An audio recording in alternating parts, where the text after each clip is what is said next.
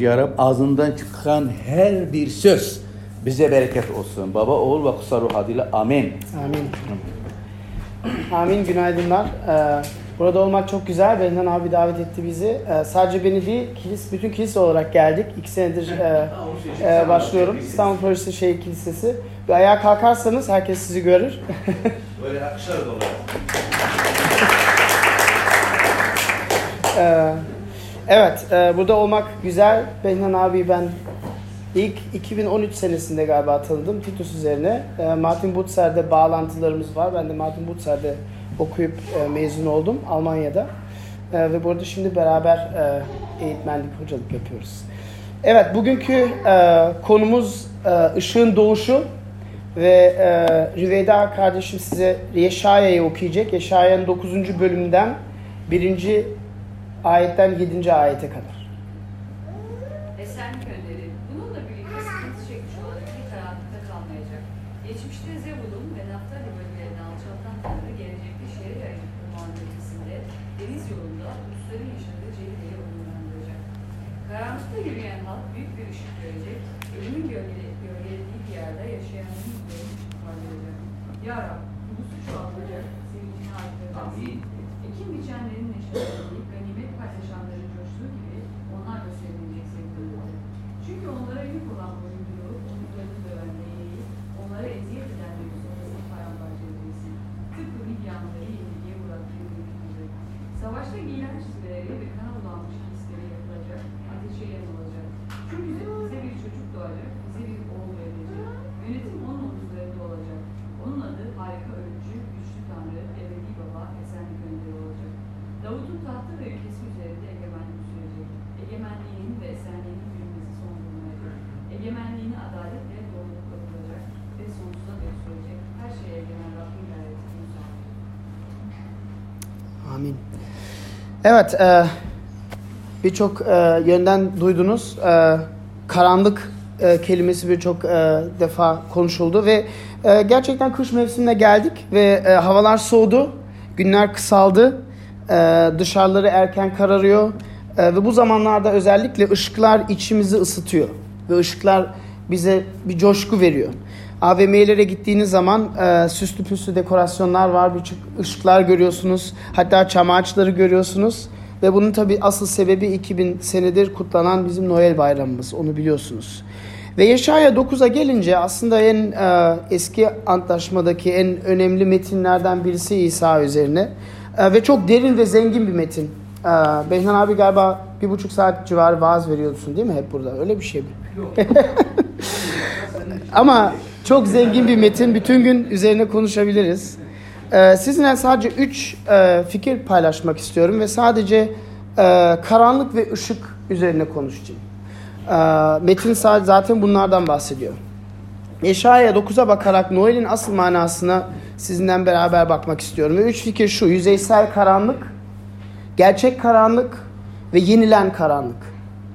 Yüzeysel karanlık, gerçek karanlık ve yenilen karanlık. Ve e, Beynan abi biraz bahsetti. Yeş, e, Yeşaya'nın e, yaşadığı zamanlar e, aslında çok karanlık zamanlardı.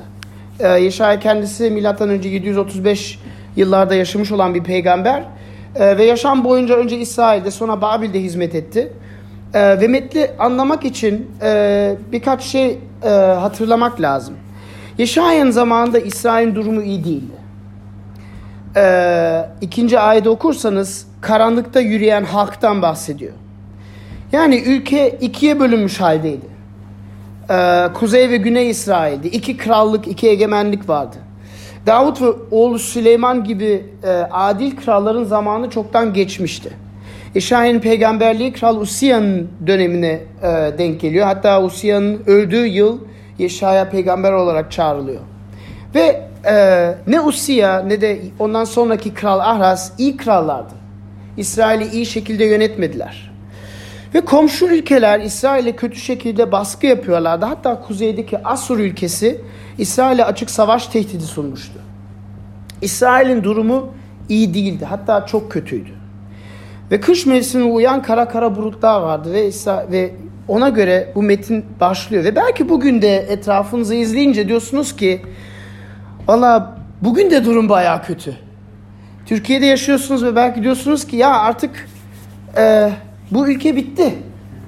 Artık buradan kaçmak lazım. Başka yerlere kaçalım. Başka güzel yerlere gidelim. Burası artık çok karanlık. Başka ülkeler daha aydın. Öyle mi? Etrafımıza bir bakarsak, iyice bir bakarsak öyle bir durum yok aslında. Ve Yeşaya'nın öyle bir e, durumdan bahsettiğini de pek zannetmiyorum. E, ABD'ye bakarsak, affedersiniz Amerikan arkadaşlarım ama megaloman bir reis var. pek farkı yok yani bu ülkeden şu anda. Rusya'ya bakarsanız da öyle. Avrupa'ya bakarsanız aşırı ırkçı hareketler yine e, devamlı güçleniyor. E, neonaziler yine güçlenmekte. Yani bütün dünya acayip bir durumda yani. E, ve Yeşaya'nın anlattığı şey aslında bütün dünyaya geçerli bir şey. Yeşaya'ya göre durum sadece İsrail için geçerli değil.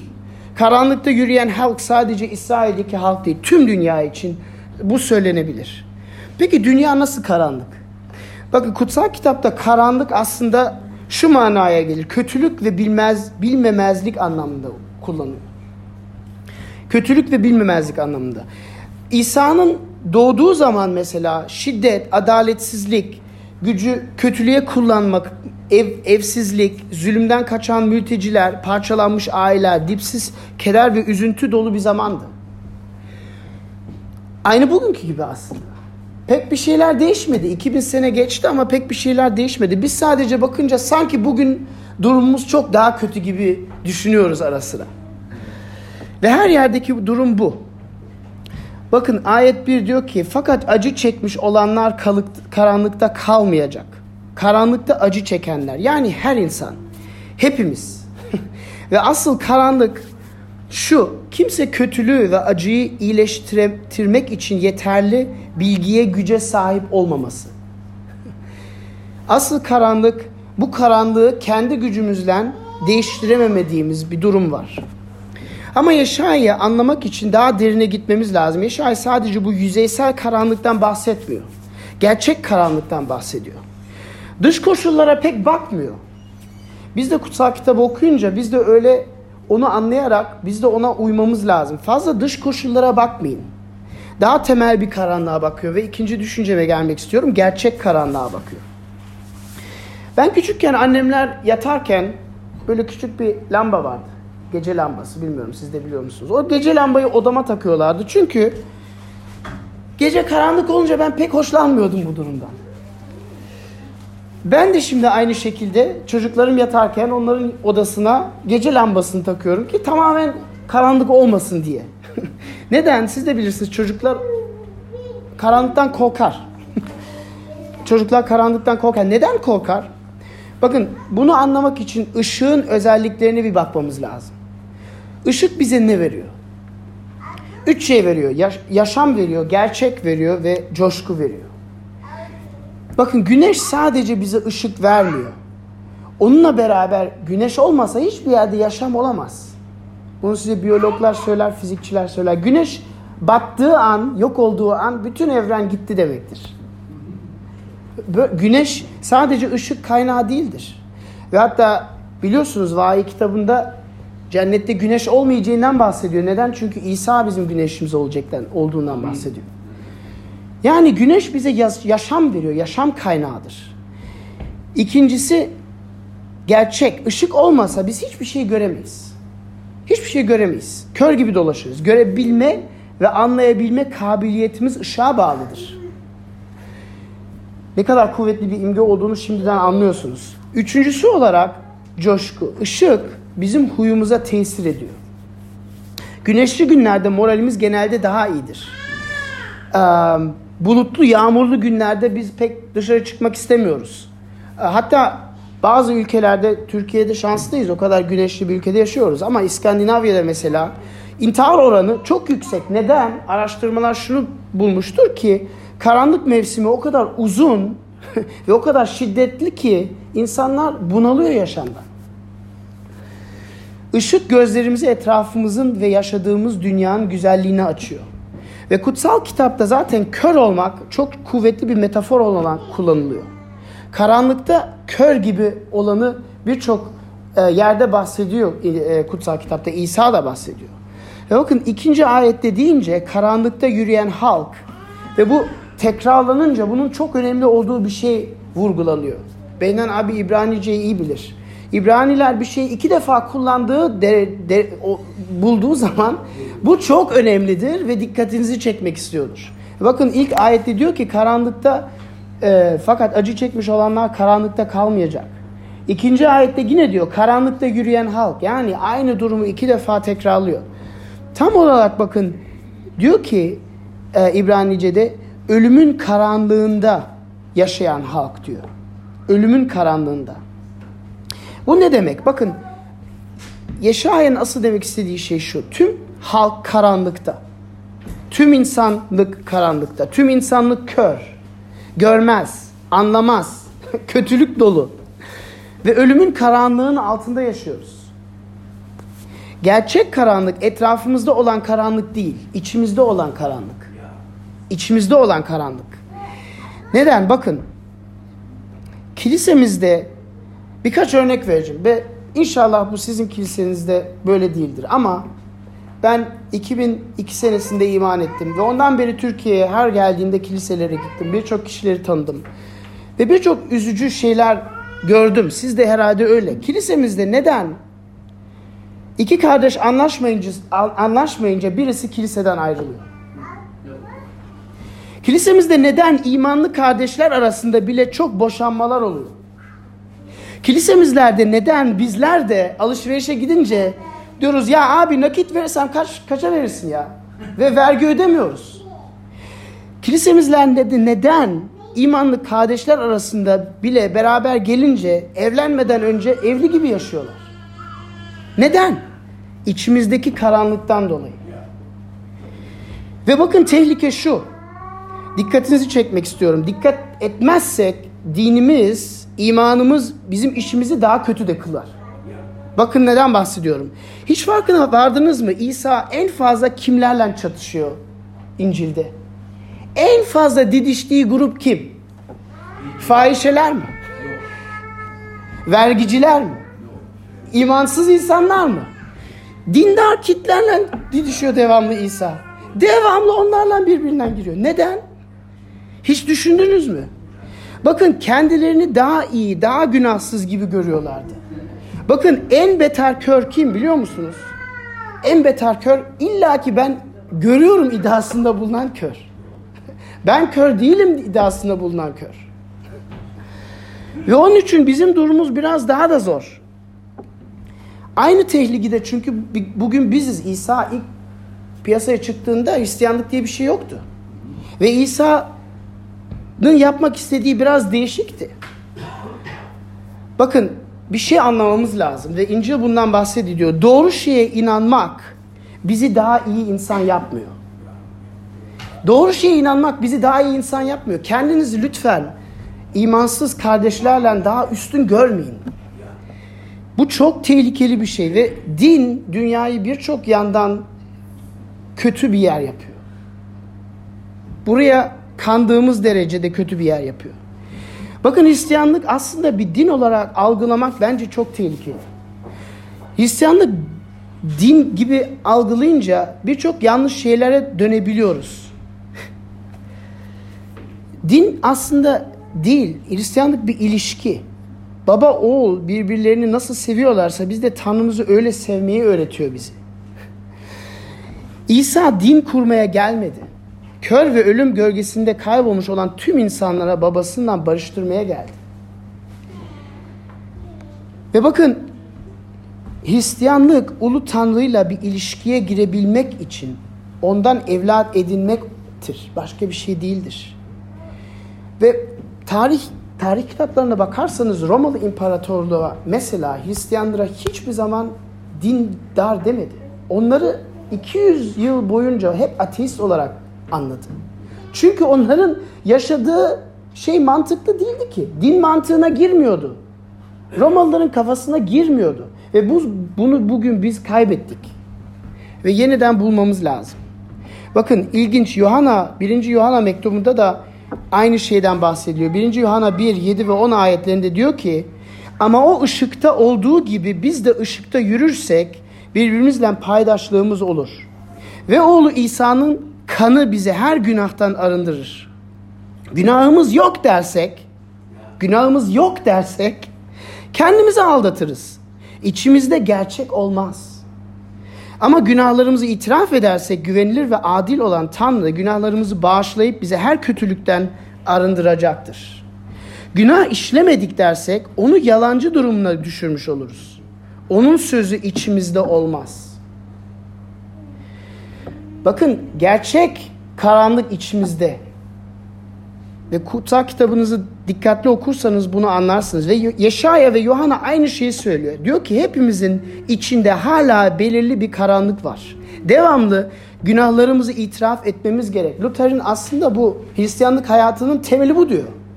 Hristiyan hayatı bir defa değil, her dakikada tövbe etmek. Hatta birisi bir resim kullanıyor. Diyor ki Hristiyanlar devamlı cehennemi kendi bedeninde görüp üflüyor. Çünkü kendi günahlarını görüp üzülüyor. Hayat boyunca. Bu hiçbir zaman değişmiyor. Bakın biz bunu galiba biraz kaybettik. Çevremize bakınca yüzeysel karanlığa bakmaktan kendi karanlığımızı unutuyoruz. Bakın Yuhanna'dan bahsettim. Diyor ki devamlı günahlarımızı itiraf etmemiz gerek. Ve bunu yapmazsak kendimizi aldatırız. Aziz Paulus bütün yazılarında üç defa kendi günahkarlığından bahsediyor. Ve bakın kitapların ne zaman yazıldığını biliyoruz. Ne kadar yetkinleştiyse Paulus kendini o kadar daha fazla günahkar görüyor. Diyor ki en günah, günahkarın en büyüğü benim diyor en sonunda. Yaşam sonunda doğru. Hapiste ölecek. Bakın bizim için yetkinleşmek kendi hayatımızdaki karanlığı daha iyi görmek ve tövbe etmek demektir. Çünkü bakın günahlarımızı saklamaya biz iyi öğrendik. Ve bas bir, bir yani bir kutsal kitapta bahset, bahsettim sizde kör örneği çok şiddetli kullanıyor. İsa bizi iman ettiğimizde aslında bu körlükten iyileştiriyor. Ama biz bu ışığa alışmamız lazım. Hiç görmemişiz ışığı. Bütün hayat boyunca ışığa alışmamız lazım. Bakın şöyle bir şey düşünün. Siz kör olarak kendi evinizde yaşadınız. Birdenbire mucize olsun, ameliyat olsun birdenbire görüyorsunuz gibi. Evinize giriyorsunuz. ışığı yakıyorsunuz. Ah diyorsunuz. Ne kadar pis bir yerde yaşıyormuşum diyorsunuz. Ve temizliğe başlıyorsunuz. Birinci odayı temizliyorsunuz. Sonra giriyorsunuz ikinci oda. Ah burası da daha betermiş diyorsunuz. Orayı da temizlemeye başlıyorsunuz. Böyle bu ev gibi bütün hayatımızı temizlemekle geçiriyoruz bakın. Işığa alıştığımız derecede daha fazla karanlık keşfediyoruz hayatımızda.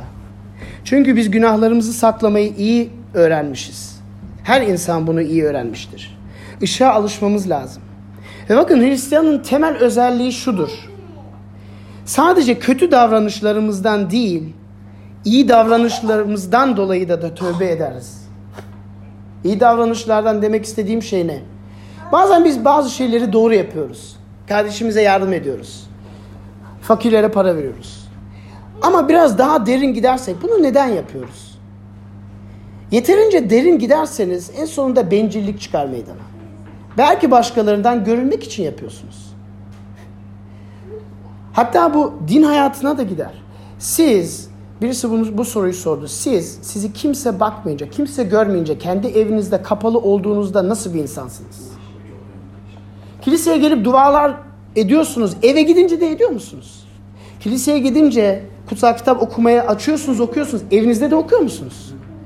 Çünkü asıl neden yaptığınız şey orada meydana çıkar. Bakın Hristiyanlar sadece kötü davranışlarımız için değil, iyi davranışlarımız için de tövbe eden insanlardır. İçinizde oran karanlığın farkında mısınız? Bakın Paulus'u bir daha alayım. Romalı 7'de diyor ki iç varlığımda Tanrı'nın yasasından zevk alıyorum. Ama bedenimin üyelerinde bambaşka bir yasa görüyorum. Bu da aklımın onayladığı yasaya karşı savaşıyor. Ve beden, beni bedenimin üyelerindeki günah yasasına tutsak ediyor.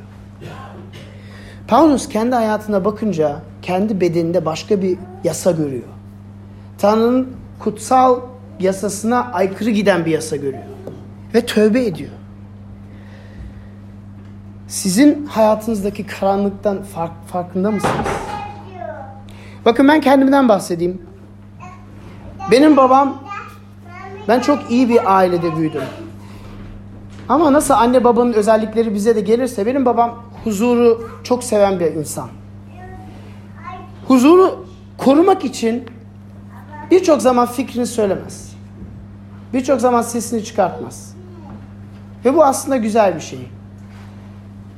Ama aslında benim kendi hayatıma bakınca insanları küstürtmemek için birçok zaman ağzımı açmıyorum.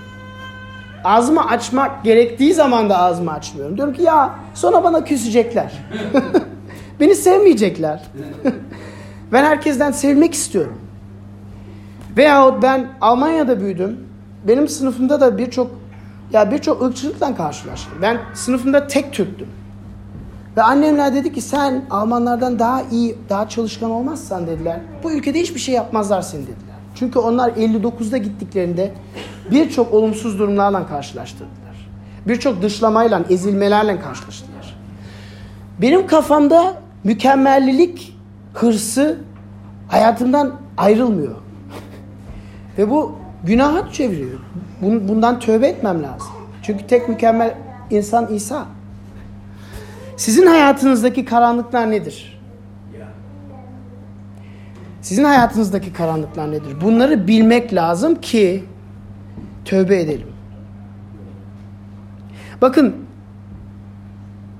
karanlığı birçok zaman görmemezlikten geliyoruz. Es geçiyoruz. Politika üzerine söyleniyoruz. Türkiye'nin beter durumunun üzerine söyleniyoruz. Herkesin ne kadar kötülük yaptığı üzerine söyleniyoruz. Kendi hayatımızdan başlayalım. Kendi hayatınızdaki karanlık nedir? Ve bunu yapmazsak kendimizi aldatıyoruz. Başka şeylerle dikkatimizi çekmeye, de, dağıtmaya çalışıyoruz. Ve bakın bu bütün insanlar yine sadece biz değil. Neyle dağıtıyoruz? Bakın parayla, eğlenceyle, güçle, kariyerle, aileyle, dostlukla, seksle, her şeyle. Calvin dedi ki insanın yüreği put fabrikasıdır dedi. Ne yapıyor? İyi bir şey, yaratılmış olan bir şey yapıyor ve ona sonsuz bir değer kılıyor. Tanrı'nın yerine gelecek derecede bir değer kılıyor. Yani iyi bir şeyi öyle alırsak kötüye çeviriyoruz. Ve kendimizi mahvediyoruz. Hayatınızdaki karanlıklar nedir? Görmemek için ne yapıyorsunuz? Neyle dağıtıyorsunuz dikkatinizi? Bakın Ernest Becker diye bir adam var. Pulitzer ödülü aldı. Ateist bir adam. 1975 kitabında Ölümün İnkarı diye bir kitap yazdı. Ve diyor ki her toplulukta seks, para ve güç elde etmek önemliydi ama bu çağımızda seks, para ve güç eksik olamaz derecede önem alır. Neden? Çünkü biz bir şeye inanmıyoruz ki artık. Ölümden sonra birçok insan bir şey geleceğine inanmıyor. O zaman bu dünyadaki şeylere o kadar fazla değer kılıyoruz ki yaşamımız batıyor. Çöküyor. Çöküyor. Temeli yok çünkü yaşamımızın. Bakın bizim modern kültürümüzde olduğu kadar seks, romantizm, fizik, fiziki güzelliğe obsesif takıntılı bir kültür tarihte olmamıştır. Bizim modern kültürümüzden daha materyalist, daha zevk, eğlence, para peşinde kovalayan bir kültür olmamıştır. Ve bakın bu her yerde öyle. Sadece sadece Amerika'da, Almanya'da değil. Türkiye'de de böyle. Biz biraz daha fazla saklıyoruz. Ailelerimizden saklıyoruz. Ve sonucunda tarih, insan tarihinde en mutsuz nesil biziz. Çünkü hayatımızda anlam veren bir şey kalmadı ki. Bir düşünün bu bizim aramızda da böyle mi? Ernest Becker'in yazdığı şey bizim hayatımızda da böyle mi? Bu karanlığı bizim hayatımızda da görüyor muyuz? Ve öyleyse neden? Bakın bu Yeşaya'nın bahsettiği ölüm gölgesidir. ölüm gölgesidir. Yeşaya'nın bahsettiği ölümün karanlığı budur. Ve hepimiz tadıyoruz. Bakın size başka bir örnek vereceğim. Bonhoeffer'i belki bilirsiniz. Dietrich Bonhoeffer tam karşıt bir örnek verir bize. Adamın hayatına bakarsanız ne seks ne para ne başarılık ne güç peşinde kovaladı. Ölümden korkmadı. Bonhoeffer Hitler'in zamanında yaşayan bir Almandı. Kilisenin zeki bilim adamlarından birisiydi. Ve başkaları gibi Nazi propagandasına uymadı. Hitler'in düşündüklerine, yaptıklarına karşı çıktı. Ve bakın ilginç olan şey şu. Bunu birçok insan bilmiyor. Hitler güçlendiği zaman, partisi güçlendiği zaman Bonhoeffer Almanya'da bile değildi. Amerika'daydı. New York City'de üniversitede hocalık yapıyordu. Tehlikede değildi. Ve askerliğe çağrıldığında Alman olarak birçok arkadaşları dedi ki vallahi iyi ki dostum sen iyisin artık sen buradasın ki sakın dönme yani ha. İyi ki buradasın. Orası battı artık. İyi ki buradasın. Biz de öyle düşünüyoruz. Burası battı artık. Hadi kaçalım. Nereye kaçacaksın? Ve bu ülke ne olacak o zaman? Bütün dostların anlamadığı şey şu. Bonhoeffer geri döndü. Almanya'ya geri döndü. Kendini bilinçli olarak tehlikeye attı. Geri gitti, direndi, karşı çıktı, protesto etti, tutuklandı, Naziler tarafından idam edildi. Neden? Çünkü Noel'in bize vermek istediği mesaj bu. Artık yeter. Karanlıktan korkma. Bilmiyor musun? Karanlık yenildi. 2000 sene evvel yenildi. Hala karanlığın egemenliği altında yaşar gibi yaşama. Karanlık yenildi. Nasıl yenildi? Üçüncü düşünceme geliyorum. Yenilen karanlık nasıl nasıl yenildi? Işığın doğuşundan dolayı yenildi. Bakın birinci ayete bakarsanız ışığın doğuşundan bahsediyor. Acı çekmiş olanlar karanlıkta kalmayacak. Ona bir ışık doğdu. Işık görecekler. Nasıl bir ışık bu? Bakın bu ışık insan tarafında üretilen bir ışık değil. Bilim tarafından keşfedilen, bulunan bir ışık değil. Gücümüzün içinde olan bir ışık değil. Doğaüstü bize gelen bir ışık. Biz tasarlamadık bu işi. Ve Yeşaya'nın yazdığı şey şu. Karanlığın temeli bizim o karanlığa karşı koyacağımız durumumuz yok. Hiçbir insanın yok. Hediye olarak gelen bir ışık. Işığın gelişi liyakat değil, hediye, armağan olarak geliyor. Bakın birinci ayette diyor ki fakat. Bu ilk kelime çok önemli. Neden biliyor musunuz? Evvelden yazılanı hatırlatıyor. Fakatlen başladığı zaman lütfen sayfayı geri bakın. Ya ne yazmış bu adam geride bakın. Yeşaya 8'de Yeşaya bütün İsrail halkının günahlarını sayıyor. Kötülüklerini sayıyor. Tanrı'ya karşı hareket ettiklerini sayıyor. Günahlarını sayıyor. Ve sonuçta diyor ki karanlıkta olmalarını hak ettiler diyor. Hak ettiler. Rabbi terk ettiler. Rabbin sevgisine rağmen başka yerlere gittiler diyor.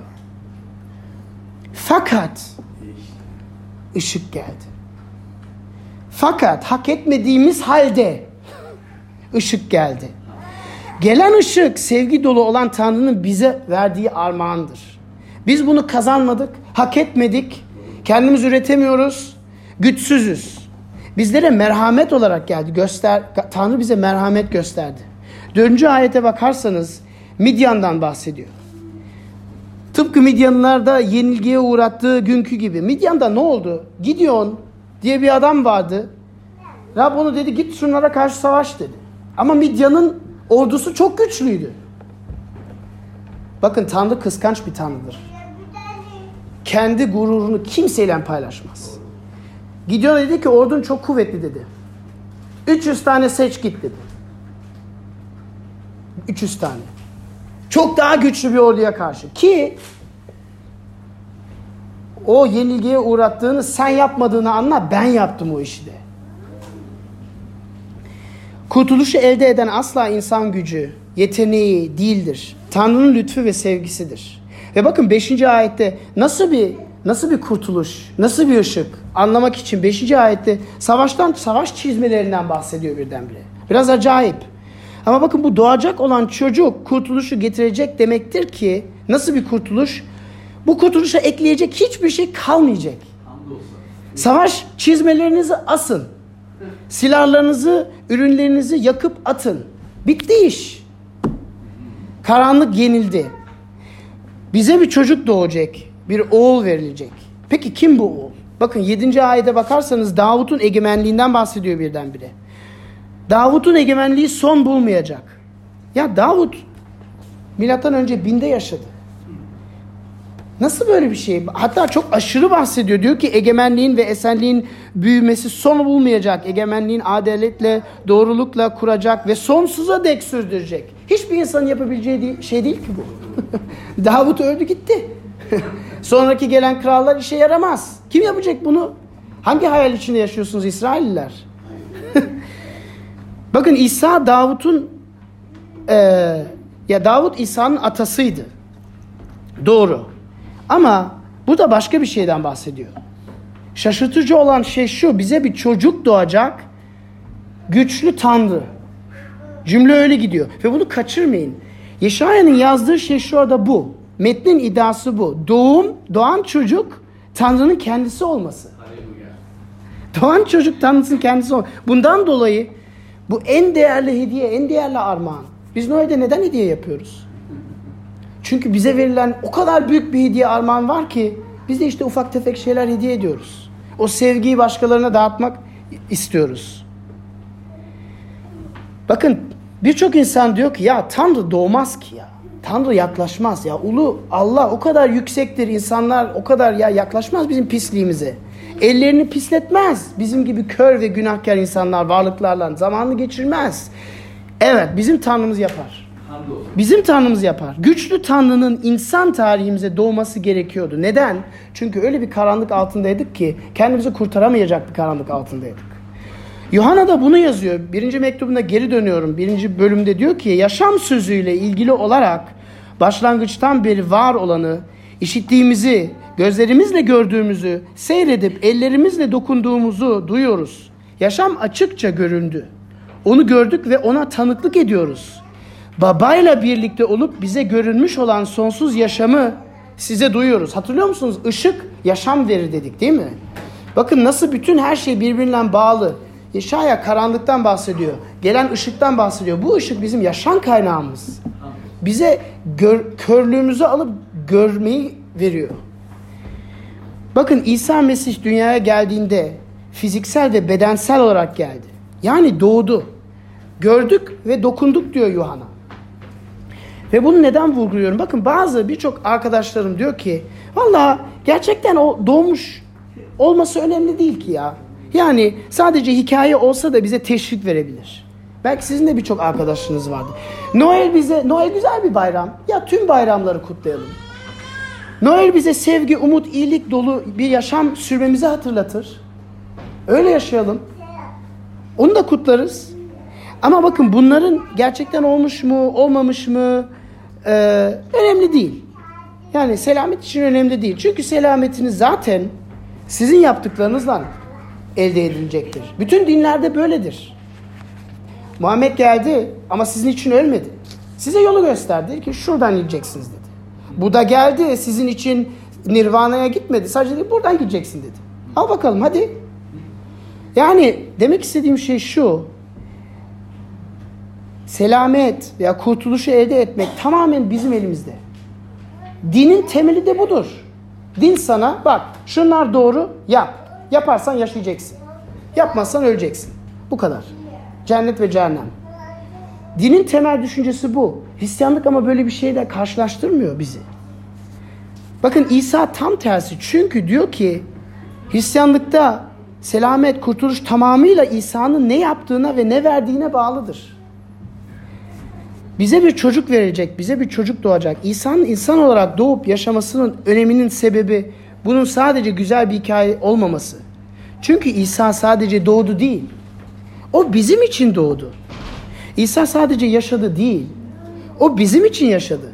İsa sadece öldü değil. O çarmıhta bizim yerimize, bizim yerimize alarak, temsilcimiz olarak, fidyemizi ödeyerek bizim yerimize öldü. Tüm dünya görüşlerinde ve dinlerde Hocanın öğrettiklerini yaparak kurtuluşa kavuşursunuz. Ama Hristiyanlıkta kurtarıcı İsa'nın yaptıkları sayesinde kurtarışa kavuşulur. Bu büyük bir değişik. Bu büyük bir değişiklik. Noel sadece güzel bir hikaye değil. Noel gerçekse, tarihte olmuşsa, İsa bizim için doğduysa, bizim bir çocuğumuz, bizim olarak bir çocuk doğduysa, bizim için yaşadıysa, bizim için öldüyse, çarmıhta bizim yerimize günahlarımızın cezasını çekip öldüyse, o zaman ve sadece o zaman Noel'in gerçek bir yaşam değiştirici iyi haber mesajı vardır. Bize müjdeyi paylaşır. Ve bakın iki şey anlatıyor müjde. İki şey. Bir parayı alır gibi. İki tarafında vurgulamamız lazım. Bir tarafında diyor ki sen tahmin ettiğinden çok daha bir beter insansın diyor. O senin karanlığın o kadar kolay değiştirecek bir karanlık değil diyor. Sen iyi bir insan değilsin diyor. Kendini kurtaramaz kadar durum, kötü duruma düştün diyor. Öbür tarafı diyor ki ama böyle olmana rağmen Tanrı seni düşündüğünden, hayal ettiğinden fazla seviyor. Ve seni o kadar seviyor ki kendi oğlunu yollayıp onun senin yerine ölmesine razı oluyor diyor. Bakın müjde bu.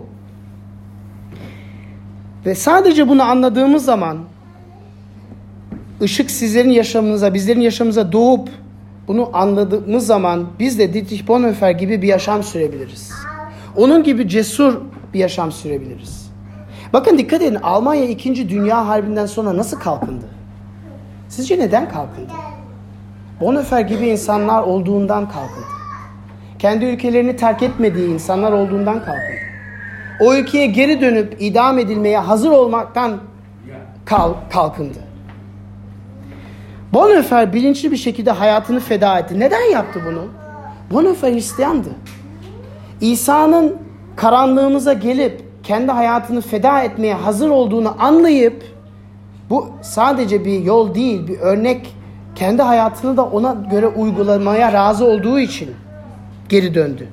Noel'de olanları kendi selametimiz için inanabilirseniz, hediye gibi karşılayabilirseniz, Baba Tanrım bak karanlıklarım şu, lütfen beni affet, beni kabul et diye dua edebilirsek o zaman Noel hediyeyi gerçekten karşılayabiliriz. O zaman gerçekten hayatımıza bir ışık doğdu, bir çocuk doğdu. Bakın ben size birçok kelime laf söyledim şimdi. Bunu pratik uygulaması nasıl uyacak? Bakın pazar günü buluşuyoruz. Asıl ilginç şey pazartesi başlıyor. Buradan ayrıldığımdan sonra başlıyor. Pazartesi hayatınızı nasıl değiştireceksiniz? İçinizdeki dışarıdaki karanlığa nasıl yaşayacaksınız?